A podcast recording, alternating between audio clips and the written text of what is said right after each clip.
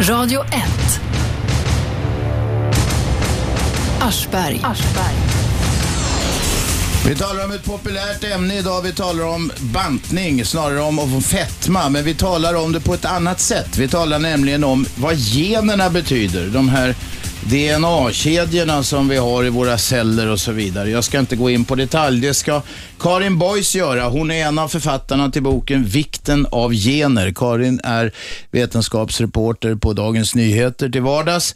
Eh, och den här boken Vikten av gener har just kommit ut, sa jag det. Eh, den eh, vänder upp och ner på en del gamla föreställningar. Det visar sig till exempel att vissa bantningsmetoder passar vissa eh, människor och andra passar andra människor. Och använder man fel bantningsmetod så, gör man det ganska, så är det ganska meningslöst.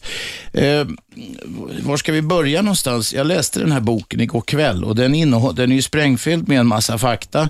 Eh, eh, och det är nästan för mycket för min söta lilla hjärna att ta in eh, alltihopa på en gång. Men ska vi börja med att förklara vad gener är på ett enkelt sätt? Ja, det är ju anlagen då som du har fått från mamma och pappa. Det är små enheter som för med sig saker som rödhårighet som vi pratade om här nyss och också risken för att bli överviktig och tjock. Den beror då på kanske ett 30-tal gener som de hittills har hittat. Så om man har lite kagge som jag då kan jag skylla på föräldrarna bara? Delvis. Ja, sen är det ju miljö också, men den har ju, det är många som pratar om. Men vi försöker prata om det här då som handlar om de anlagen som man har fått från föräldrarna. Ja, och, de, och de kan man inte göra så mycket åt. De jo. sitter man med. Ja, man sitter ju med sina anlag, men sen kan man ju förstås ja, man kan ju banta och man kan ja, ja. leva sportigt och röra på sig och så. Hur, kan... hur mycket betyder det här då? Alltså hur, hur, det betyder att det är lätt för vissa människor att gå ner i vikt och jäkligt svårt för ja, andra. Och tvärtom, alltså lätt för vissa människor att bli tjocka och överviktiga och till och med drabbas av fetma. Vissa är ju mycket, mycket känsligare. Det är ju väldigt lätt. Det är väldigt orättvist. Men det är ju så, jag till exempel, jag har ovanligt lite risk för att bli tjock eftersom jag har gjort ett gentest. Just det, du har gjort ett sånt ja. stort eh, gentest. Va, va, hur, hur, går det till? Men du, du topsade det i munnen? Eller jag skrapar lite med plastsked, ser ut som ungefär en liten Och så skickar du det till? Och så skickar jag då till det här isländska företaget. Så I mitt fall då, det finns massa olika företag som gör det. Här. Det finns ett isländskt företag som har kartlagt eh, halva befolkningen på Island eller något? En stor del i alla fall av befolkningen på Island. Ja. Nu samarbetar ju de med forskare över hela världen, men, men de, de har varit lite ledande rent vetenskapligt, men sen finns det massa forskare, massa företag som gör detta. Ja, nej, men då skickar man in den här lilla avskrapet ifrån insidan mm. av kinden. Och sen så, så småningom så får man eh, ett mail då och sen så går man in på datorn och får reda på massa fakta om sig själv. Och, och, i mitt fall bland annat att jag löper inte särskilt stor risk för att bli tjock eller överviktig. Det var ju befriande, men fick du något taskiga besked då? Ja. För att det där kan ju vara lite läskigt också. Det var en del läskiga grejer. Det eh, finns en ögonsjukdom som heter glaukom, grön starr. Den har jag mm. betydligt högre risk och det var väldigt bra att veta för då kan man ju kolla det när man blir äldre. Och då kan man stävja det på något vis? Ja, man kan ju gå på kontroller sen när man blir äldre. Jo, men ja. om man kontroller så säger de nu är det på gång, då kan man göra något åt det. Ja, ja, då kan man ja, göra något åt det. Då, kan man, då kan man alltså skydda sig från att bli blind. Just det är ju väldigt värdefullt. Och sen ja, var det, det, lite andra grejer då, men det var många positiva besked. Lägre risk för bröstcancer till exempel, och, Jaha, men högre ja. risk för hudcancer. Oh, fan. Ja, ja. Ja, ja, en del skulle ju tycka det var läskigt. Man vill inte veta vad som ska hända. Fast hudcancer, då vet jag, jag är ju rätt ljus då, så att det här ja. har man ju kunnat räkna ut. Men, men då vet jag det att och, och, jag ska skydda mig från solen, jag ska kolla på födelsemörker mm. och sånt. Och, och mm. det, är faktiskt en, det är faktiskt en risk och den är på riktigt. Det är någon som har ringt in på 0200 11 12 13. Vem är första ringaren idag? Det var faktiskt Ernst. Ernst, ja tjenare. Tjenare.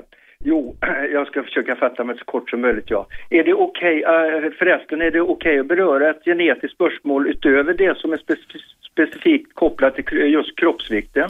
jag frågar sådär, vad fan ska jag säga? Du kan ju försöka. Ja. Ja, ja, okej, okay, då kör jag.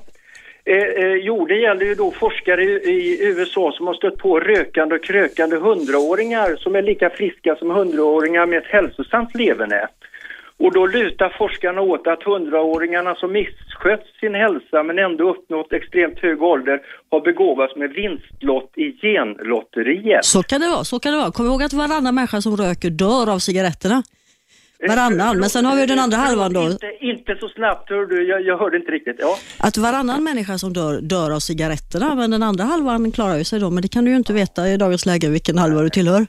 Nej, nej, just det. Finns det någon, någon motsvarande, alltså i Sverige finns väl många extremt gamla människor. Finns det något motsvarande svensk forskarundersökning eller något som planeras? Är det något som är... Alltså om man ska göra sådana undersökningar så räcker det inte att vara i Sverige för du behöver Nej. tiotusentals människor för att kunna jämföra. Så det är ju, Och det har vi inte så många här i Sverige. nej, man får, forskarna samarbetar ju mellan olika länder. Men du har en, Ja. poäng, du har en poäng där alltså. Att, Jaha. att bli väldigt gammal, det har delvis ärftliga orsaker. Vad, vad, vad, för att- vä- vänta, vänta Ernst. Ernst. Ja. Fick du något besked om det? Eh, nej, forskningen är inte där än. Du kan inte få säkra besked än. Det är, alltså, det är många gener som samverkar. Nej, men då, då får man ju bortse från att man kan bli överkörd på ett övergångsställe Ja. och så. Men du tar, alltså den, att man drabbas jag av fick sjukdom? inga sådana eller? besked, men åtminstone kvinnorna i min släkt har ju blivit väldigt gamla. Och det är ett gott tecken 100 om man vill bli gammal. Ja, ja, alltså idag är det ju säkrare att titta på sina släktingar än att, att göra ett gentest för just, på just det här området. ja, ja.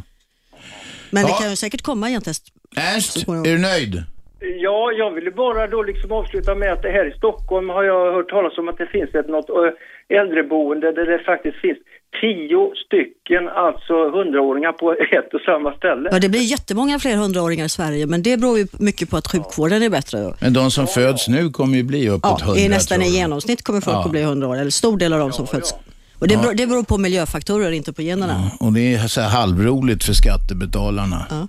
Ernst, tack för samtalet. Vem är där? Hallå? Vem talar vi med? Robban, Ja, kom igen. jag har en fråga, inte angående det ni pratar om idag, utan eh, angående en vädjan om en försvunnen person. Ja, fast ta, ni kanske kan hjälpa till på radion. Och ja, men mejla in så tittar vi på det. Radio1.se.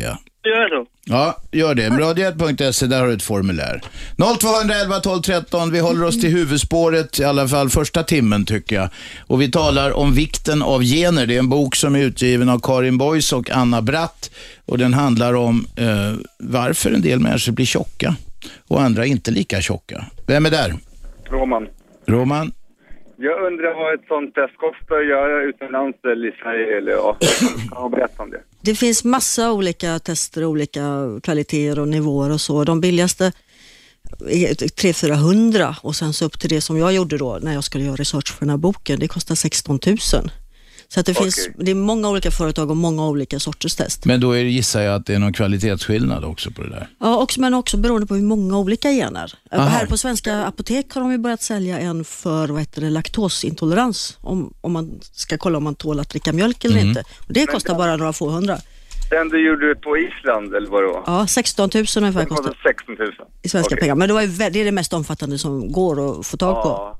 Men vad är den liksom, vad skulle du liksom råda att göra? Men, Jag skulle råda säga så här, i dagsläget, eh, om, du bara är all, alltså om du har en allvarlig genetisk sjukdom i, i släkten. Nej men om då- jag vill bara få reda på Nej, det. men först då, om du har en allvarlig genetisk sjukdom, då är det läkarna och sjukvården som ska göra testet Okej. åt dig. Men om du bara är allmänt intresserad, Ja. vänta två, tre år skulle jag säga. Okej. Om det gäller medicinska grejer. Däremot har ju släktforskarna är ju på gång nu och där finns mycket intressanta och roliga grejer med DNA. Ja, tack. Ja, Roman, bara innan, innan du lägger på. Ja. Vad är det som föranleder dig att fråga? Nej, men det är intressant att veta vad som kan, eh, alltså vad som man kan få i framtiden för sjukdomar. Jaha, okej. Det var inte den här tjockgrejen som Nej, du... nej, nej, utan jag vill veta exakt som man säger att man kan få det här gråstarr och... Mm. Men alltså du kommer aldrig få veta exakt, du ska få, du ska få grön starr, utan du får reda på att du har 50% risk att få och det är lite mer än, än Ja, men då- genomsnittet. Ja, exakt. Det är det som är intressant. Okej, avvakta några år Roman. Du är inte så jävla gammal va? Ja, nej. nej. Nej, ja, då och har du tekniken går framåt, då det har blir du tid billigare på om dig. några år. Bra, tack för samtalet. Vem är där? Ja, god morgon. Hej. Historielennart, Ja, kom igen. Jag tänkte höra med eh, redaktören där. Karin Ja, Boys. Karin. Jo, jag läste hennes artikel. Jag läste senast om stenålderssex. Det var intressant. Jo, det gäller det här med de skadliga mellanmålen. Va? För jag vet utav e- egen erfarenhet att jag bantade då, ville gå ner i vikt för tio år sedan ungefär. Och då slopade jag de här mellanmålen. Och sen har jag hört det att, att magsäcken säcken töms då efter en frukost, det kan ta en tre, fyra timmar, det beror ju på vad man äter. Men tar man en glass, äter man därefter två timmar därefter, då kan ma, eh, man säger maten i magsäcken stanna upp till sex och till nio timmar. Jag tror inte det spelar så stor roll. Där, där, alltså folk är olika, det är själva huvudpoängen i vår bok. Folk, och det finns ju massa, det är mycket mer komplicerat, olika livsmedel som får en att känna sig mätt längre tid och sådär. Men ja, det är, mer, det är mer komplicerat ska jag säga och, Ja, och människor är olika. Så att om det är bra för dig att skippa mellanmålen så gör det. Hungerkänslorna är ju den starkaste driften vi har va. Och det stör ju den normala rytmen alltså när det gäller för att magsäcken behöver vila Ja. och så vidare va. Det, det är det jag funderar på, att det kan bli kanske sjukliga förändringar och sådär. Idag har ju folk ett väldigt här sugbehov efter mat. Man ser ju folk tuggar överallt på stan. Ja, det är ett oskick. Men, eh, men som sagt, begränsat antal mellanmål och äta kanske ett eller två mellanmål om dagen, det är nog inte så farligt för de flesta. Men om du mår bra på det så tycker jag absolut att du ska skippa Ja. dina mellanmål. Jag tror, det, och för tandhälsa och allting Ja, så visst. tror jag det är bra vet du. För jag skippade mellanmålen och jag lyckades gå ner 12 kilo på ungefär Grattis, men det är ett jättebra. Vad fan käkar du? Hur många mellanmål åt du? Tre stycken. Ja, det är nog lite Mellanmål mycket. och så tre mål på det. Det blir sex mål Ja, det är ju ganska mycket faktiskt. Men är du kroppsarbetare och liksom har ett jättetungt arbete, då kanske det behövs. Jag idrottade mycket hårt då vet du, för Ja. jag sprang och jag sprang maran och sådär. Sen är det frågan vad man äter också. Ja, går vi- precis. Det var det jag tänkte säga. och det går vi in på i vår bok. Vi, Ganska vi, vi, ska komma, vi ska komma till det, för det är en jävla skillnad på käk och Det- käk. Det är onekligen ett intressant ämne ni tar upp i alla fall. Vet du, skogsarbetare fick jag lära mig när jag var ute Ja. i landet någon gång. Och, så, här som, när de hade så, såga för hand och med här stor såg och yxa och sen hade hästar som släppte ut timmer. De behövde 10 000 Ja, kalorier om dagen. visst. Då får det bli några mål om dagen. Ja. I Ume- Umeå universitet gjorde man ett experiment för ungefär en tio år sedan. Man stoppar i sig lika mycket amerikansk fläsk och mycket kalorier som en skogsarbetare vad ska jag säga, avyttrade. Och det, då skidade forskarna 8 till 10 timmar varje dygn. Va? Så och, tufft var det i skogen på den tiden. Så tufft var det för att göra av med den där energin. Alltså. Och ni ska tacka hjärtligt. Tack. Ja, ja, tack Lennart. 0211 12 13. Karin Boys är i studion. Karin är civilt eh, vetenskapsskrib... Redaktör. vetenskapsredaktör, lite finare ja. Redaktör, inte vanlig skribent. På Dagens Nyheter, i Dagens Nyheter ska vi säga om det ska vara fint och riktigt. Nu har vi med någon på telefon, vem är där? Hej, Jonas heter jag. Kom igen. Du, jag undrar, jag lyssnar här med stort intresse på detta. Vi har en del genetiska ärftliga sjukdomar i familjen. Vi har tre barn. De kommer mest sjukdomarna, alltså inte barnen, men från min frus sida. Eh, och då undrar man, jag skulle gärna betala 16 000 för det här isländska testet om det så att säga kan hjälpa mina barn i framtiden. Men ska barnen göra de här testerna? Ja, alltså om det är allvarliga sjukdomar vi pratar om, då ska du låta läkare göra det. Då är det inga sådana här hobbytest för allmänheten. Som... Nej, men skulle det kunna hjälpa så att säga? För barnen de är 10-5 år. Det, beror, alltså det ska du prata med en läkare om. Okej, okej. Nej, jag bara tänker för... för... Du kan ta upp frågeställningen med någon läkare. Vad är det för slags läkare som sysslar med sånt där? Alltså det finns ju genetiker. Det finns genetiker, Ja, ja. det är en som- specialitet. Som, Det är en och specialitet. det finns ju liksom riktigt allvarliga sjukdomar som, som är Mm. ärftliga och det, det handlar inte den här boken om så mycket. Nej, det här handlar mest om vad vi stoppar i oss faktiskt och hur det påverkar oss utifrån det faktum att vi är olika skapta när det gäller arvsmassa. Sen finns det ju folk som har sån riktigt allvarlig svår fetma som är ärftlig då, som beror på en enda gen som är fel och, det finns, och de blir, redan som barn så har de sånt sug att äta så att de kan bli aggressiva om man tar ifrån dem maten. De kan gå och leta soptunnor efter mat för de har så fruktansvärt driv att äta. Vad kan man göra åt det då? Ja, I vissa fall finns det mediciner, men Det det, är ju det. definitivt ett fall för sjukvården så tidigt som möjligt. Ja, ja, ja. Men att jämna, lämna sig till en, vända sig till en genetiker helt enkelt, det är det. Om, om det är frågan om allvarliga sjukdomar, absolut i släkten. Ja. Bra! Okej, tack för samtalet. Vi har Karin Boys i studion som har skrivit boken Vikten av gener, hur DNA påverkar din vikt. Och det, vi kommer in på olika sorters mat och sånt och vad det, vad det betyder alldeles strax. 0211 12 13, detta är Aschberg i Radio 1. Radio 1. Aschberg. Måndag till fredag 10 till 12 på 101,9 i Storstockholm. Ni kan också lyssna via nätet på radio1.se eller den telefonapp som är gratis och funkar utmärkt åtminstone så länge man är i sådana här 3G-fält. Eh, mycket bra, mycket bra applikation om ni har modern telefon. Karin Boys sitter i studion. Hon är vetenskapsredaktör på Dagens Nyheter eh, och har tillsammans med Anna Bratt skrivit boken Vikten av gener. Det handlar om hur DNA påverkar ens vikt. Eh, Karin gjorde själv en sån här test som, som research för boken och fick reda på en massa grejer. Att hon hade till exempel icke genomsnittliga anlag för att bli tjock. Ja.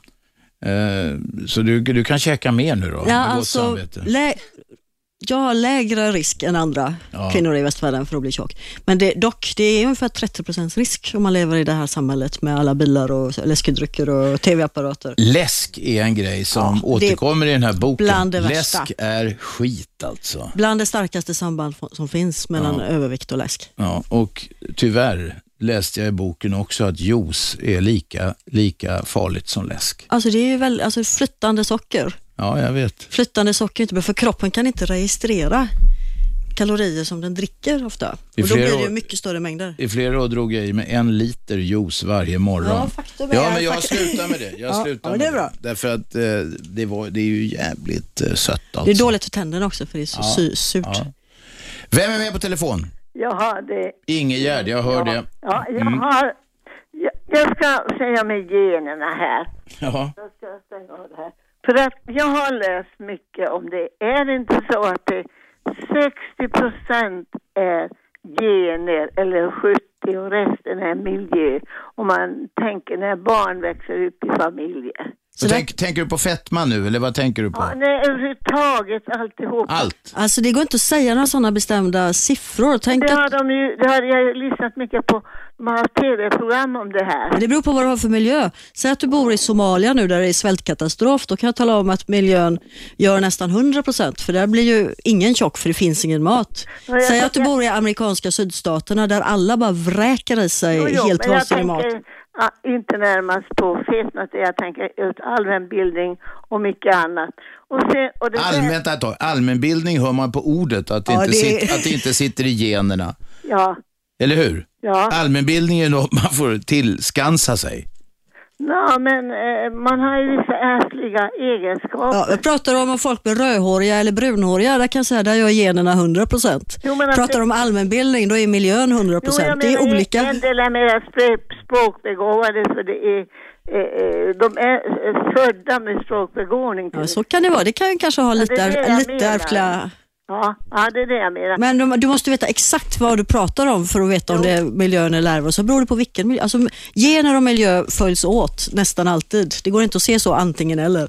Ja, men de har ju forskat på det där. Att, De har forskat massor och de har visat det att det följs åt nästan alltid. Så det är, man ska Ja. inte göra den motsättningen. ja, men jag säga det är 12 sockerbitar i en, i en läskflaska. Och sen har jag en annan fråga. Att, äh, vänta nu, vad var det jag skulle fråga? Om, jo, vänster, varför är en del barn vänsterhänta? Och sen att vänsterhänta barn oftast är mer begåvade. Det tror jag inte du kan säga så säkert. Men att, att de blir vänsterhänta har nog till stor del genetiska orsaker. Men du kan inte säga generellt att de blir mer begåvade. Vänster hjärnhalvan där. Nej, nej, nej, nej. Så, så, så där kan man inte... Men det har de ju också forskat på. Jo, jo men du, ah, du ska inte tro allt du läser i tidningen eller ser på TV. Nej, nej, nej, ja, men tro och tro och, och tro är vetande. Men eh, ja, ja. Och att, eh, ja, och Obama är ju också vänsterhänt. Ja, men gener och miljö, bägge är viktiga. Ja, ja, det förstår jag. Vad- men nu ville jag veta fakta, lite fakta, om du hade någon fakta i med Ja, jag har precis skrivit en hel bok med massor av fakta, 180 sidor, alldeles sprängfull med fakta. Som du har skrivit. Nej, men den, handla, den handlar om vad generna betyder för vikten. Ja, ja, ja, Det står ingenting, så vet jag såg när jag läste boken igår, inget om vänsterhänthet. Det här är ingenting om sånt. Ja, Nej. ja, ja. Det här är mera komplicerade saker, men jag har läst hel Ja, jag skulle det. säga att vänsterhänt är inte så jävla krångligt. Det är det snarare krångligt med att folk blir tjocka och går upp och ner i vikt. Det är ju en hel jävla industri. Jo, det förstår jag ju. Men sen ska jag säga just det att juice och socker, så, en flaska läsk innehåller 12 sockerbitar. Okej. Så det är inte konstigt att de blir fetare om de dricker läsk. Och juice är väldigt farligt. Det har vi just konstaterat. Tack för samtalet Tack, Ingegerd. hej. Hej då. Vem är där? Det är Birgitta. Birgitta från Östermalm. Oj, Kom igen. Alltså, kan ingen blocka den där Ingegärd? Jag blir galen. Akta nu så jag inte kopplar ihop er igen. Eh, skit i det. Men alltså, eh, jag skulle bara vilja säga följande. Det här är fantastiskt. För nu har ni fått ytterligare en grej, alla tjockisar, att skylla på. Då är det generna. Förut var det att jag har så dålig ämnesomsättning. Alltså jag har haft kompisar och vänner och så här som sitter och proppar i sig gräddtårtor och saker och ting och McDonalds hela tiden. Och ja, jag, jag blir så tjock, jag har så dålig ämnesomsättning. Nu kan de skylla att det är Ja, jag håller inte med dig. Jag tycker att det här är snarare att det är ny kunskap och att den är ett redskap för att man ska, hur man ska kunna hantera sin övervikt. Ja, men det, alla som har övervikt äter för mycket. Ja, där har du rätt. fel. Där har du Ja. rätt och det är exakt vad den här genetiska forskningen visar. Den visar nämligen att... De, nej, men lyssna, Vänta lyssna. Birgitta, Lyssna backa nu. lite så Karin får snacka. Nu vill jag. Eh, jo, alltså de har hittat ett 30-tal gener som påverkar risken för fetma och de allra flesta av de generna, det man vet om dem är att de påverkar hjärnan, inte ämnesomsättningen utan hjärnan och de påverkar hungerkänslor och mättnadskänslor i hjärnan. Så det är, är faktiskt så, även om du tycker att det är larvigt, så är det faktiskt så att dina överviktiga vänner har troligtvis andra andra sätt att uppleva hunger och mättnad och det tycker jag att du inte ska vara så moraliserande över utan att du ska berätta för dem om, om att det förhåller sig så här. Det går faktiskt att behärska sin hunger. Ja, men det är mer eller mindre svårt beroende på vilka genetiska anlag du har. Nej, men sluta med Nej, här jo, det är så. Ja, Jag vet du, det är bara gaggelibagg och det här, du kommer ingenstans med det. Du är inte särskilt tjock förstår jag. Nej, och Du har hade fått varit- sådana gener, det är bara att gratulera. Nej, jag är 1,75 lång och väger 56 kilo. Så Det jag... var roligt för dig, men som sagt, du ska inte moralisera för mycket över dina vänner som har fått andra Jag har förutsättningar. två syskon till som heller aldrig varit tjocka och vi har ätit precis vanlig normal mat. Ja, men det, det, då har du väl ett tecken på att, Du har att fått de du generna. har de generna. Men vi satt ju inte på McDonalds och vi åt ju inte gräddtårtor. Nej, men herregud, det finns väl folk som blir tjocka fast så, som Jag inte käkar jag, hamburgare. jag var på Bokmässan i Göteborg igår. Då träffade jag just en flicka, en tonårsflicka som var ganska rejält överviktig och hon och hennes mamma. Då berättade de just att hon hade en bror. De har ätit exakt samma sorts mat i den familjen. Och, och brodern, jag kommer inte ihåg, men han var väldigt smal och flickan var rejält överviktig. Och det var ett exempel på att några gener gör, kan göra väldigt stor skillnad. Nu är det så här att tjockisar har en otrolig förmåga att smyga undan med när de äter va? Ja, men det säger väl inte emot det Karin säger. Det är ju just att de har ett sug som gör att till och med vissa blir ju missbrukare på mat. Men det är just därför vi har skrivit boken, för att folk ska sluta moralisera över människor som blir överviktiga. Radio 1. Aschberg. Måndag till fredag 10 till 12 på 101,9. Lyssna också via nätet, radio1.se eller telefonappen som heter Radio 1 är gratis och fungerar väl. Vi talar om fetma, vi talar om vikt idag eh, eh, och arvsmassans betydelse för eh, hur man går upp och ner i vikt. Karin Boys är i studion, hon är en av författarna till boken Vikten av gener. Eh, och den här boken dels kartlägger den då eh, genforskningen på, framförallt på det här området, eh, de turer som har varit och det går rasande fort nu med nya rön, eller hur? Absolut, jättesnabbt går det. Du, du, vi snackade om någon sjukdom här i pausen och du sa att häromdagen så kom det någon, vad var det för något? Ja, ALS det är en hemsk, Just det, hemsk ALS. sjukdom. Man sakta men säkert blir förlamad och dör. Och Det är internationella forskare som har hittat den, den vanligaste genen, det är flera olika gener, men den vanligaste genen som kan orsaka den Och sjukdomen det- hittade de för en vecka sedan bara. Och det betyder att de kanske, då har man nått ett steg närmare att kunna Alltså, man- bekämpa sjukdomen. Ja, man, nummer ett, man kan ställa mycket bättre och snabbare diagnoser för folk, folk som tror Mm. att de har, när man tror att man har allergi. På lite sikt säkert kan hitta behandlingsmedel. Just det. Björn är med oss.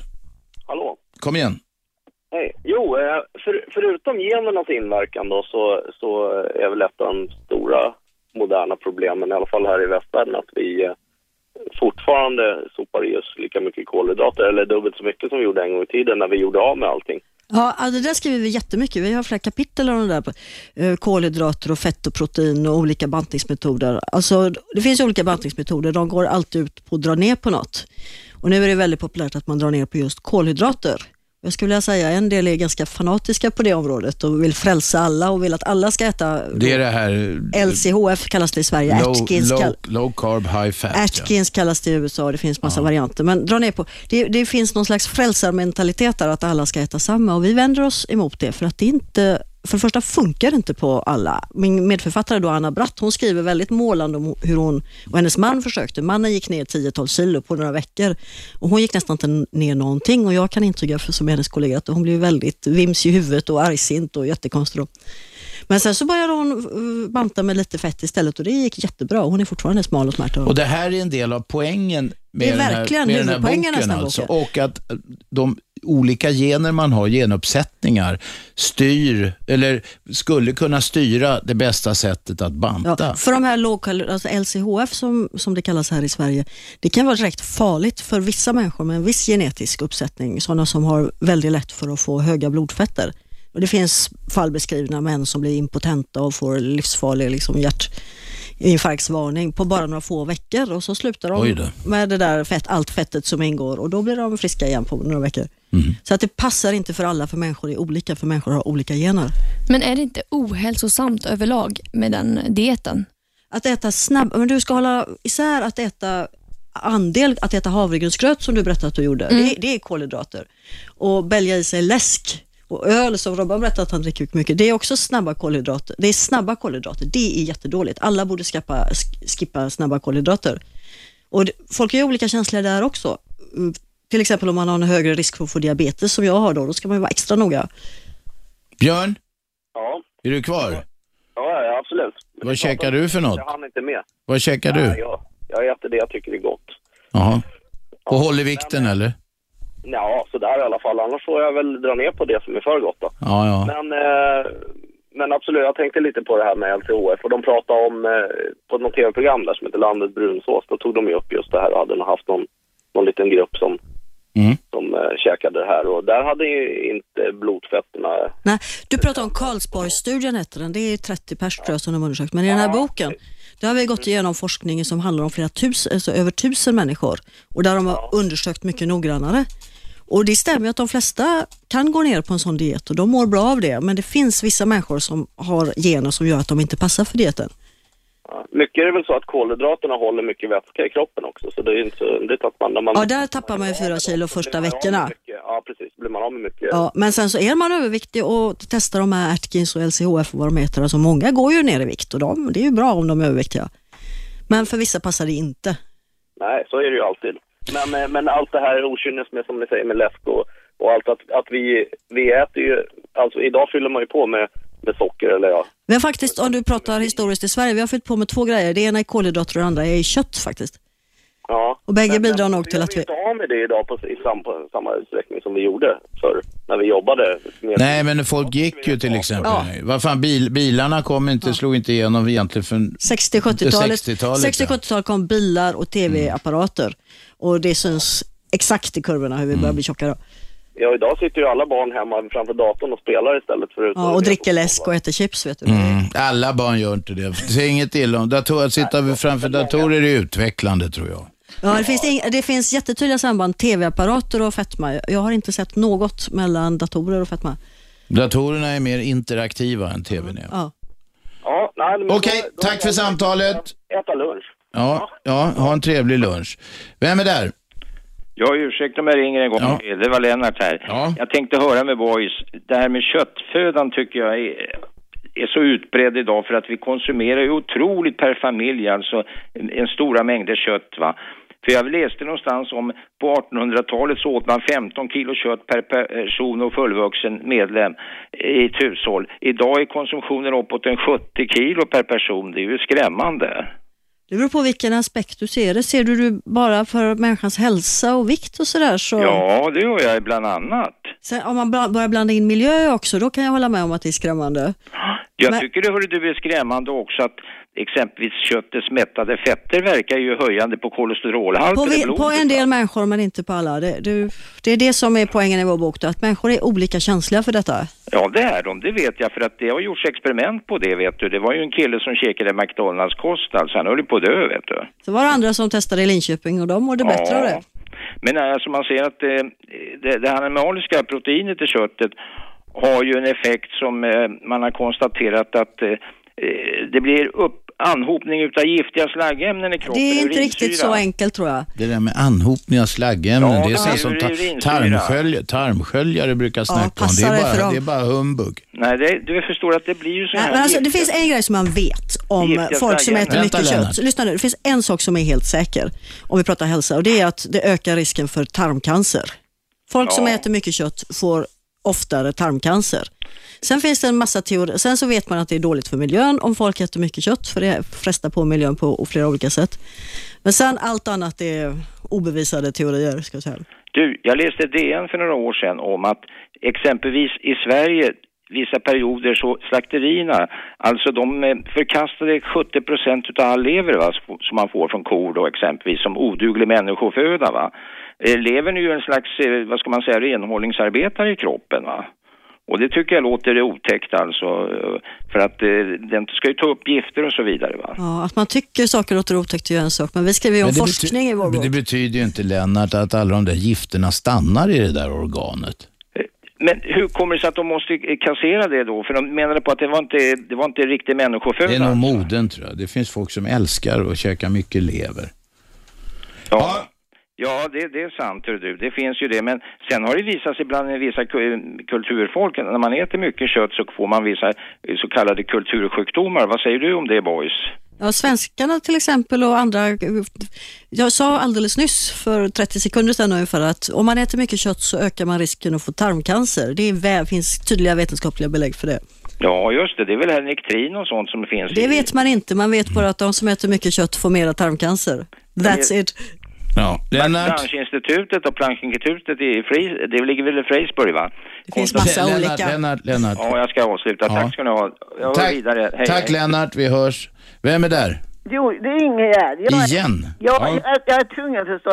Har du läst mycket om cellerna? För det är ju cellfördelningen där. För att det, det finns stora celler och de kräver då mycket mera mat. Och därutav är många människor väldigt kraftiga.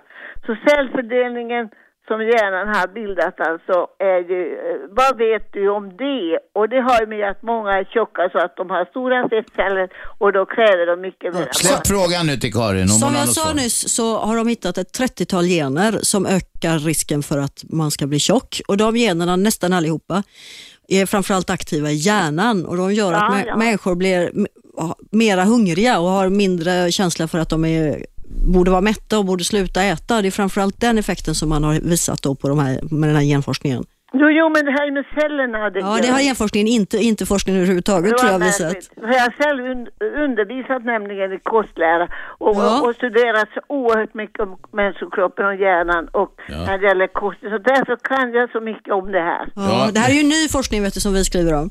Ja, ja, okej. Ja.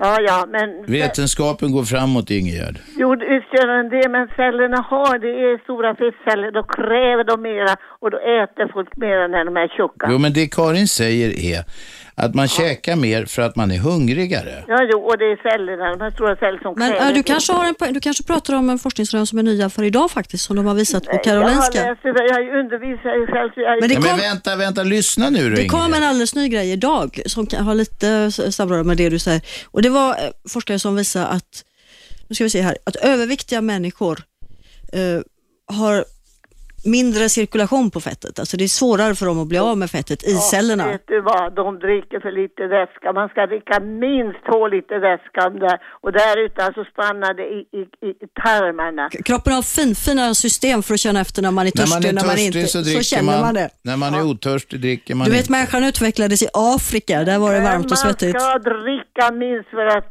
jag, jag anser också att det är farligt att äta för mycket kött.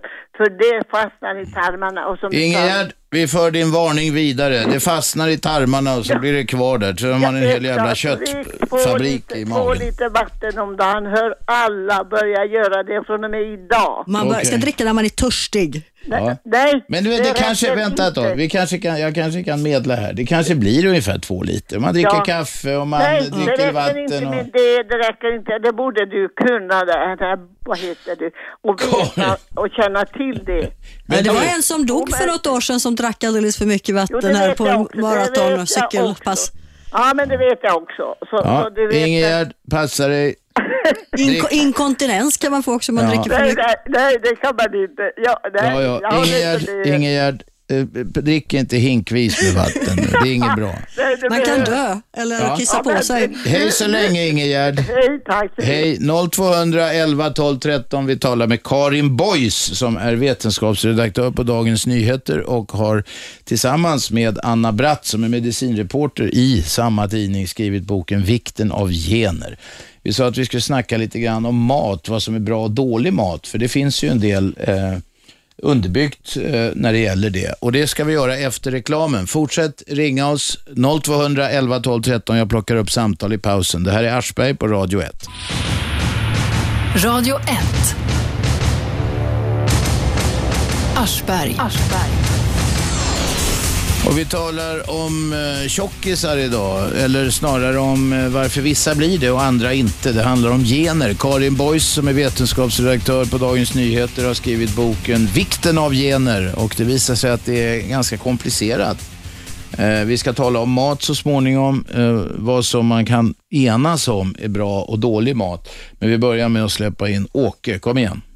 Ja, tjena. Va, va, eh, hallå, hallå? Ja, ja, du är med. Du är ute i etern. Okej, bra. Ja, nej, jag är inte tjock själv, men uh, skulle säkert bli det om jag inte skulle röra på mig liksom. Eh, jag kan ju rekommendera att hitta egna eh, lösningar där, eh, typ lite motion och sånt, rätt mat, kost och sen ska man hålla på med det livet ut alltså. Det går inte att hålla på och motionera en eh, eh, månad eller två utan... Det tror jag alla är överens om. Ja, precis. Det är bra att äta bra och det är bra att motionera. Stenhårt bara liksom eh, eh, köra eh, sex gånger i veckan i början, sen trappar man ner och håller vikten liksom. I dagsläget så, jag har hållit min vikt i eh, 48 år va. Men det är nog inte bara dina goda vanor utan det är nog också att du har sådana anlag. Ja, men jag skulle bli tjock som en, uh, bålgeting eller vad heter de? eh, eh, Bålgetingar är inte så tjocka, men Nej, men ja, okej, de stora som... som eh, en spärrballong. Ja, som inte borde kunna flyga överhuvudtaget. Du, nu låter det för jävligt. Åke, vi förstår. Ingen säger emot när det gäller motionen. Tack för samtalet. Nu har vi Lasse med. Lasse gav upp, eller så är han här. Vem är där? Ja, jag är här. Jag sjabblar med mobiltelefonen. Ja, ja, det är även solen har fläckar. Kom igen. Ja, för lite socker idag. Nej, men eh, människan har ju haft olika diet på olika ställen. Till exempel inuiter har ätit bara kött. Exakt, det skriver vi om. Bra, därför att undrar jag när man ger sådana statistiska siffror, det måste ju bero väldigt mycket på vilka man pratar om då, eller hur funkar det? Alltså de, det finns ju studier i olika länder. De flesta och bästa studierna eh, är ju gjorda i västerlandet kan man säga, Amerika, Sverige, Europa. Men det, det finns många olika studier, men, eh, men du har alldeles rätt i detta att traditionellt så är folk, det finns inuiter, alltså traditionella eskimåer, de läs, levde ju nästan bara på sälkött och fisk. Mycket fett också. Mycket fett, mycket protein, pyttelite kolhydrater. Sen finns det indianfolk i Anderna som lever till nästan helt och hållet på, på frystorkad potatis, nästan 100, eller inte 100 men väldigt hög andel kolhydrater. Och vi skriver om traditionella folk i Afrika och Sibirien som alltså har ätit väldigt olika och det syns delvis i deras gener att de har under år Men där har miljön påverkat genetiken. Det är inte så konstigt sikt, på över sikt, ja. tid att det, Ja, att på det, det är en tusentals del år, av då. evolutionen. Det är evolutionen. På tusentals år så har de fått till exempel olika förmåga att bryta ner stärkelse. Mm. Och Det är det som är poängen då, att det, det är lite skillnad mellan olika folkslag, men det är framförallt skillnad mellan olika individer i hur vi tål de här olika livsmiljöerna. Jag tänker det måste göra skillnad sen när man hamnar i det här samhället med mycket socker och fett. Ja, du förstår. Vissa, ja, precis. Vissa tar ju upp det jättelätt och andra har redan kanske vant sig vid att inte äta för Exakt, mycket. du kommer till poängen direkt. Men alltså inte bara psykologiskt har vi vant oss, utan att även ge, arvsanlagen, generna, är anpassade då för olika Ja. koster. Ja, det är intressant. Min pappa blev aldrig tjock. Han eh, kunde äta mycket som helst. Ja, du ser, sådana gener. Ja, okej. Ja, men- Bra, Lasse. Tack för det. Vem är där? Hallå? Hallå, vem talar vi med? Tjena, tjena. Åke här igen. Men du, vad fan, Åke, Åke, du står i någon tunna och snackar eller någonting. Ja, Jag, jag är i en bil. Mm. Vi, prova då, tala långsamt och nära micken så får du en chans. Okej, ja, jag glömde nämna här eh, viktiga eh, grejer som... eh, man har ju förbjud, förbjudit allt annat utom alkohol va. Och man kan ju bli mage med det också, men det finns andra medel som hjälper folk. Vi, tar eh, liksom eh, amfetamin, garanterat eh, efter två månader kan det gå fyra storlekar ner i byxor. Men det har ju andra nackdelar. Andra nackdelar finns, men man ska inte använda som en, köra det som en uh, pundare alltså, utan på rätt sätt alltså. Rätta mängder. Det var ju en godkänd bantningsmedicin på 60-talet, men det blev förbjudet för att det hade Det är sådana... förbjudet, jag säger det, alltid förbjudet i dagsläget. Vi tar marijuana. Det skulle vara jättebra för folk som har problem med, med eh, liksom, eh, eh, för att då kan de ta något annat istället som dämpar hungret. Och Ja, men då har du på att utveckla mediciner nu som bygger på samma ämnen. Ja, men man... Godkända mediciner så du slipper knarka, för det har många nackdelar. Det är så man ska inte utveckla mediciner. Åke, ja, nu tappar vi dig. Tack för synpunkterna. 0211 12 13. Vi sa att vi skulle tala om mat här. Vad, vad, vad, är, vad kan du säga då, Karin? Finns det något som är generellt nyttigt och generellt onyttigt har vi varit inne på? Det är läsk till exempel. Alltså, generellt onyttigt om vi börjar med det, det är Ja. ju för alla kan vi säga, snabba kolhydrater. Och det är Socker, läsk. vitt, vitt bröd, bakad potatis, Ja, ris. Pommes frites är faktiskt, faktiskt bland det värsta vi, när vi pratar om. Är det det? Och det som är så gott. Eh, Men alltså, ska du skippa två grejer, tre grejer om du vill bli smal. Skippa läsk, skippa chips, skippa öl. Mm. Då har du kommit långt. Och Det här är ju olika då för olika människor beroende på alla olika farligt. Mm. Men skippa de tre grejerna så har du kommit Ris långt. Alltså jag är inte gillar så bra inte på ni ris. Vi, vi skriver, det är min kollega som har skrivit om Okej, riset. det finns olika sorters ris. Ja. Jag är sån här miljöfreak vet du, så jag äter inte ris ofta. Jag försöker äta närproducerade grejer. Men vad jag tänker på är Men, att men det finns olika, eh, jasmin och basmati och vad det, de- heter. Det, det finns, ju- lite olika ris. finns ju, ja, det finns olika ris och de som har skalet kvar kanske är bättre av Ja, olika det, skäl. det står i detta Ja, boken, men jag kommer eh, inte fakta. ihåg det. Risfakta finns även i boken. Ja. Men vad jag skulle säga är att det äts ju en jävla massa ris i många asiatiska länder. Ja. Och i, i länder där du ser att folk inte är speciellt tjocka i Nej, men de blir blixtsnabbt. Alltså jag har varit i Bangladesh till exempel. Där åt de ris och potatiskurre till Mm. middag och sen så bälgade de i sig te med massa socker och det var i princip allt de åt. De var ju sm- smala som pinnar för de var nästan undernärda. Mm. Men när sådana kulturer får bli lite rikare och får lite mer mat, då går de upp snabbare än någon annan och de får diabetes, typ 2-diabetes snabbare än någon annan. Därför att de, alltså det funkar om du har ett jättehårt kroppsarbete och om du äter väldigt lite. Men om du börjar då som vi, slappa till det lite och titta Ja, på TV ja. och köra bil och dessutom äta lite för mycket, då är Mm. de i riskzonen nästan mest av alla. Okej, och de, ja just det. Därför att det blir en snabb omställning. Ja, och, och du, alltså det, snabba kolhydrater är farligast. Dels om du har genetiska anlag, men också om du är överviktig om du, om du rör dig lite. Det här snabba kolhydrat, ska vi reda ut det? Vad är det? Vad betyder det att en kolhydrat är snabb? att kroppen svarar väldigt snabbt. Så att först så får du liksom en, ja, jättemycket socker i blodet Mm. och då så slå- slår kroppen till med insulin som ska ta hand om sockret. Och då blir insulinet, liksom, det tar hand, jättemycket tar hand om det. Och då dippar du ner igen. Då då, tror, försvinner då, sockret. kropp, då tror kroppen att den har för lite mat. Sockret försvinner, Försvinner från blodet. snabbt då Mm. och då får man så kallade blodsockerfall. Fall. Och du blir argsint, du blir dum i huvudet, du får ett fruktansvärt sug efter mat. Ja, nästan darrig kan man Ja, bli. trots att du egentligen har ätit för mycket så kan du efter ett par timmar få ett jättestort sug efter mat för kroppen tror att den har för lite mat. Och då ska man alltså käka långsamma kolhydrater. Ja. Och vad är det då? Havregrynsgröt pratar vi här om också, alltså hela korn istället för ris. Då. Jag brukar äta sådär fullkornsbulgur och fullkornskorn och havre och sådant. Alltså bröd med hela korn. Eh, ja, det, och bönor, bönor och ärtor, sådana baljväxter. Det är exempel på kolhydrater som är långsamma. Och det, att de är långsamma betyder att blodsockerhalten inte går upp lika Den snabbt upp när man lite- har käkat dem. Exakt. När man äter de här snabba kolhydraterna så blir det liksom som en berg och dalbana. Det går upp, det går ner, det går upp och det går ner. Och det är farligt på massa olika sätt. Dels för vikten och dels för risken för typ 2 Och hur, va- varför går vikten upp om, om man äter, får så här, åker Ja, på berg och dalbana med På blodsocker? vissa i alla fall. Därför Ja. att insulinet har ju till uppgift då att la, lagra näringen till, till fett i kroppen, Mm. så här förenklat. Okej. Men ja, framförallt är det, och sen så luras man att äta mer. Mm. Därför att man, kroppen tror att man behöver mer mat. Man är så här vrålhungrig plötsligt och så Ja. tillfredsställer Och man den här sug- hungerkänslan ett och så är man snabbt lika hungrig igen. Ja. Så att man ska käka grejer som gör att man håller en jämn nivå. Då. Exakt. Okej. Nu mina damer och herrar kör vi lite nyheter. Sen fortsätter vi resonera om eh, arvsanlagens betydelse för vikten. Vad vet man och vad vet man icke? Karin Boys här i studion. Hon är vetenskapsredaktör på Dagens Nyheter och har just skrivit boken Vikten av gener ihop med Anna Bratt. Det här är Aschberg på Radio 1. Radio 1. Aschberg. Måndag till fredag 10 till 12 på 101,9. Ni kan lyssna där i Storstockholm. Ni kan lyssna på radio1.se över hela världen faktiskt. Och ni kan lyssna på telefonappen som heter Radio 1 och är gratis. Vi har Karin Boys i studion. Vi talar om arvsanlagens betydelse för fettman eller Att, det, är att man kanske, vissa kan vara magra och stoppa i sig massor med käk. Vi har talat, eh, det finns många vinklar på det här. Vi ska se vad Erik vill. Kom igen. Ja, hej. Nu satt jag och blev nervös här. fick vänta så länge. Oj då. Men, ja, men jag har en teori om att förr, när man åt mat till fest förr, det äter man till vardags idag mer.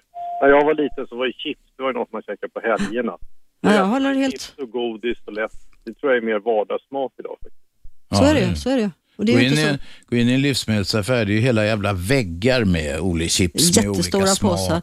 Och, så- och som sagt, chips är bland det starkaste samband som finns. Chips leder till övervikt, det är ett av de tydligaste samband som finns. Ja, det känner man ju lite när man smält i sig en påse. att Ja. Chips och läsk, första grejen när du ska skippa om du vill minska vikt. Ostron är bättre då. Det är fest, ostron är festmat, det blir man tjock av va? Nej, det jag. Eller räk. Fast det är lite dyrare än chips. verkligen. Ja, det är det. Men då får man gå till hallen också. Ja, ja, men då får man ta och käka det eh, mera sällan kanske. Ja, nu jag var inte klar där riktigt. Okej. Ett annat ett tips då, det är att inte äta mackor. Det tror jag är förödande. Ja, men något måste man ju Men- äta liksom, men eh, vad är det för fel på mackor då? Ja, men om man istället för att äta rejäl mat så kanske en del smäller i sig fyra Skogaholmsmackor på Jag tror inte det spelar någon roll liksom. Det är, Det nej, det tror jag, man kan äta smörbröd, sådana här danska till exempel. Fin, fin lunch. Ja, men smörrebröd, jag menar ju mackor liksom att man tar...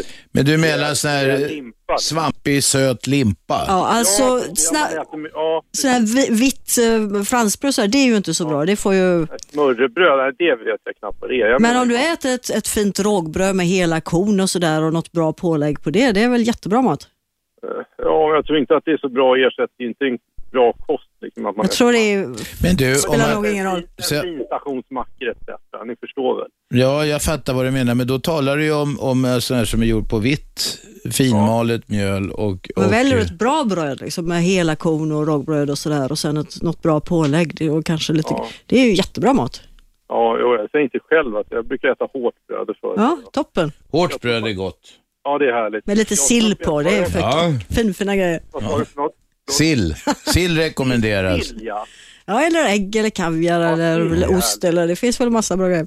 Har ni tänkt på det att när det är högtid, Fan, jag blir hungrig nu. Ja. högtid att man äter nästan samma mat vilken högtid det än är? Det är liksom... Ja, det är sill. Det är sill. Är, är, är, det, är, det är väl jul och påsk och midsommar. Det är då det säljs sill så att det står härliga till. Det här arvet från 1800-talet. Ja. så. Tyvärr är ju sillen man köper i Sverige så in i helvete söt. De här burkarna, det, är ju så, det smakar ju så sött så att det är som godis nästan. Det har gått min näsa förbi, det har jag inte tänkt på. Tänk, titta på det, smaka på det. Det är ju det är vrålsött. Jaha. Hur ska, jag, hur ska man göra? Jag vet inte, matjes, till och med matjessillen är ganska söt mot vad den Ja, är får om testa- man, testa om man köper den i Du får matjes. testa sådana här ryska recept. De har inget socker i sina sillar. Eller saltsill, stekt saltsill, det är gott. Ja, det är gott. Det, brukar, Ja. det har jag ätit på Östra station. Eller färsk, färsk sill, stekt sill Ja. också. Ja. Ja, nu... Vet ni vad jag tror? Jag tror banan är väldigt bra. Nej, nej, nej, nej, nej. Banan var det jätte... Någon, någon tabell här i boken. måste det var det GI-index eller något. Det är väl en av de man, frukt... måste ju vara, man måste ju vara musikalisk för att kunna äta det. Det är det också. För att äta banan? Ja, man måste ju kunna skala den. Ja, man måste kunna skala den. Det var Va? ett, ett, ett, ett roligt skämt, ja. Ja, Mm. ja jag ville bara... Ja, ja. Erik, Mm. eh, var det något mer? Nej, jag tycker jag har berikat det tillräckligt. Okej, tack, Tack för det. det, tack. Nu har vi Ernst med igen. Du hade kommit på något, Ernst? Ja, det är nämligen så här att eh, jag reagerade mot att eh, ölet förkastas. Och då är det nämligen så här, jag talar av egen erfarenhet. Du har druckit öl alltså? Ja, nu talar jag inte om kopiösa mängder, jag talar om måttligt. Ja, Alltså, men det är väl- Nu talar jag om glas, alltså, men, men jag, jag kommer till, till punkten snart. Jo, att eh, jag har ju läst om det eh, och tog åt mig det att eh, en liten mängd alkohol varje dag skadar inte speciellt för äldre människor. Ja, under förutsättning att du inte har alkoholism i släkten. Eller har, har, risk för alkoholism, då kan det Ja, skada nej, väldigt nej, mycket. Nej, nej absolut, det, det, det förekommer inte, inte någonstans. I Oj, någon oj, det där var känsligt, Ernst. Nej, det var inte känsligt. Jag bara Nej. talar om att Ja, det ja. inte till så. Och då är, är, är, ska jag säga ett bra recept. Det, det, det gäller naturligtvis inte alla människor, men nu talar jag ur personlig erfarenhet. Några glas öl, alltså vanligt sånt här då mellanöl eller vad det kallas, och så en liten bit mörk choklad. Den kombinationen alltså. Inte tycker det låter som en läskig kombination. eh, choklad, utan det är ihop va? Nej, då, då tror jag ett gott rödvin och en chokladbit är godare. Men, men du, har alldeles, du, alltså, du har alldeles rätt i detta att om du är man, du är lite äldre, du har ingen äldre, risk för 70 år. alkoholism. Du har ingen risk för alkoholism. Då är det väl helt ofarligt att dricka lite alkohol varje dag. och det kan och till och med ganska nyttigt för hjärtat. Eller Eh, för hjärtat och så ja. ja. och, men som sagt, ö, om du är överviktig så kanske du ska dra ner Nej, på nej, ölet. nej, men är du nej, inte överviktig så jag tycker jag... bra BMI, mycket... Ja, men Ernst- fortsätt då med Ja, bra, Ernst, Ernst, Ernst, du får ta, ta ett litet glas öl varje dag. Det är vi okej, kommer inte tycker vi. hacka på dig för det. Vi tycker det är okej. va? Ja, bra Ernst, tack för samtalet. Vem är där? Ja, hallå? Vem talar vi med? Mm, Ann-Kristin. Kom igen. Ja, jag tänkte, jag har inte riktigt varit med och lyssnat hela tiden, men eh, det är, det, det är verkligen så att man har hittat en specifik gen som eh, ger eh, övervikt, eller är det Nej, ett 30-tal hittills. Det kan finnas fler. som man har hittat? Och de, de, förlåt, de påverkar då på olika sätt så att säga. Ja, och men då, i den, de flesta som man har hittat, nästan alla, påverkar med, på ett eller annat sätt hjärnan och framförallt då hungercentrum och aptitcentrum i hjärnan så att det reglerar hur mycket man vill äta och när man vill sluta äta. Vad kan man eh, göra åt? Vad har, man tänkt, forskningen tänkt, forskarna tänkt att man kan ta fram någon medicin eller vad, vad ska man göra med den här informationen? Det pågår ju, på tidigt stadium så pågår det ju forskning om mediciner, det pågår forskning om så kallad genterapi. Men det finns ju en, många olika metoder. Det finns en metod om man, nu, om man nu har de här generna som gör att man har ett väldigt starkt driv att äta och man inte kan kontrollera när man ska sluta äta. Mm. Då finns det, sådär, det finns program där man väger maten och lär sig äta Ja, ja, enligt en kurva, mer- mandometer kallas det. Det är jo. jätteintressant upplägg Jo, där. jag vet, men det finns ju många olika metoder och det finns det olika som passar olika människor. Och, och det har, det, den informationen, den, den, finns ju redan. Jag Ja. liksom, vad, vad Det nya med det här med generna, ja det är ett att man får en förklaring till varför vissa har lättare att bli tjocka och framförallt att man slipper det här moraliserandet som jag retar mig så himla mycket på, att man ska säga att de är sämre människor bara för att de blir tjocka. De, det är faktiskt så att de, de som blir överviktiga har andra sätt att uppleva hunger och mättnad. Ja, ja, ja. Bara det tycker jag är ett stort steg framåt. Om att man får en förklaring till att det faktiskt är så olika. Och sen då att det finns också gener som gör att det är olämpligt för vissa människor att hålla på med sån här LCHF och äta väldigt mycket mättat fett. Det är direkt olämpligt för vissa. Att vissa är extra känsliga då för s- kol, snabba kolhydrater därför att de får typ, kan få typ 2-diabetes lättare. Men jag är mer ute efter till exempel de som man, man har hittat den här genen som, eh, man hittat gener som ger ägg, eh, bröstcancer och äggstockscancer. Och då är det ju många som, när de kan, då, då kan de ju kolla upp det. Det är väldigt extrema fall. De har väldigt stark genetisk risk för, för Ja, en, en väldigt men då- speciell gen. Och det finns ju folk som opererar bort brösten. Och då, ja, precis. Och då tänkte jag liksom, vad kan man göra här? Men det finns ingen sån fysisk, det är, ja till exempel man kan tänka, okej jag har de här generna. Ah, jo, jag vi beskriver faktiskt... Vi få bes- förtur att göra eh, gastrit bypass, det var så. Ja, alltså det är ju att göra operation är ju en lösning då för vuxna människor som har en... eh, För annars om man vet om man, man ser att man har anlagen, det kan jag ju bara titta på min släkt. Ja. Så ser jag det direkt. Ja, ja. Ja. Så det som är int- intressant är det i så fall vad kan man... eh, Alltså det finns exempel, det finns en viss, en viss genskada som, som orsakar väldigt allvarlig faktor. Där kan man faktiskt medic- ge medicin. Ja. Men de andra, i de andra fallen så kan man ju hoppas på att det kommer mediciner inom, inom kort som kan påverka och också att man får ha helt enkelt mycket, mycket hårdare Men jag tänkte den här som sitter i hjärnan, det sitter då i hjärnan, har man, men, men är det, de har inte hittat, eh, för du, då kanske man kan tänka sig att man har hittat den här för bipolär sjukdom också då, eller? Nej? Jo. Ja, det finns ju en del forskning som, om, om den typen av sjukdomar. de ärftliga, det? är också ärftligt som du vet ja. Jo, jag vet, men jag tänkte man har hittat den också då samtidigt. Ja, jo, jag, jag kan ha inte rätt, fetma. riktigt men det har man definitivt gjort. Vissa anlag som ökar risken för det. För jag vet inte riktigt, för det här med, med bantning och olika typer och vad som gäller och de som har hjärt och kärlsjukdomar, det kan man ju också ta reda på om man har den genetiska... En risk. Du kan få veta om du har en ökad eller minskad Det är risk. inte så att man får ett, ex, en, ett, ett exakt schema va? eller en Nej. liksom tidtabell, utan man kan se att det, det är större risk för att du ska drabbas av det ena eller det andra. Ja.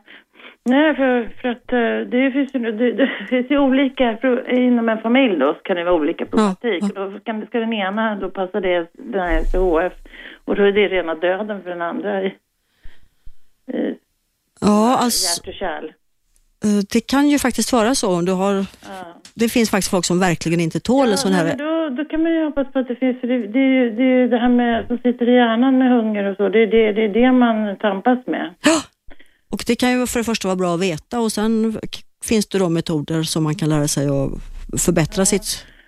Ja, nej men det är alltid bra med genetik, men, men jag, det där med suget och hunger och tröst och det, det känner man ju utan att man har fått reda på generna. Ja, ja, jag förstår din poäng, men man kan hoppas alltså, på hjälpmedel och där medicin kan ja, vara ett det kan vara hjälpmedel. en uppmärksamhet kring det här. Mm. Det, det tycker jag verkligen. För att det behövs ju hur mycket stöd och, och sådär som helst inom sjukvård att man har förståelse för att det här kanske inte är...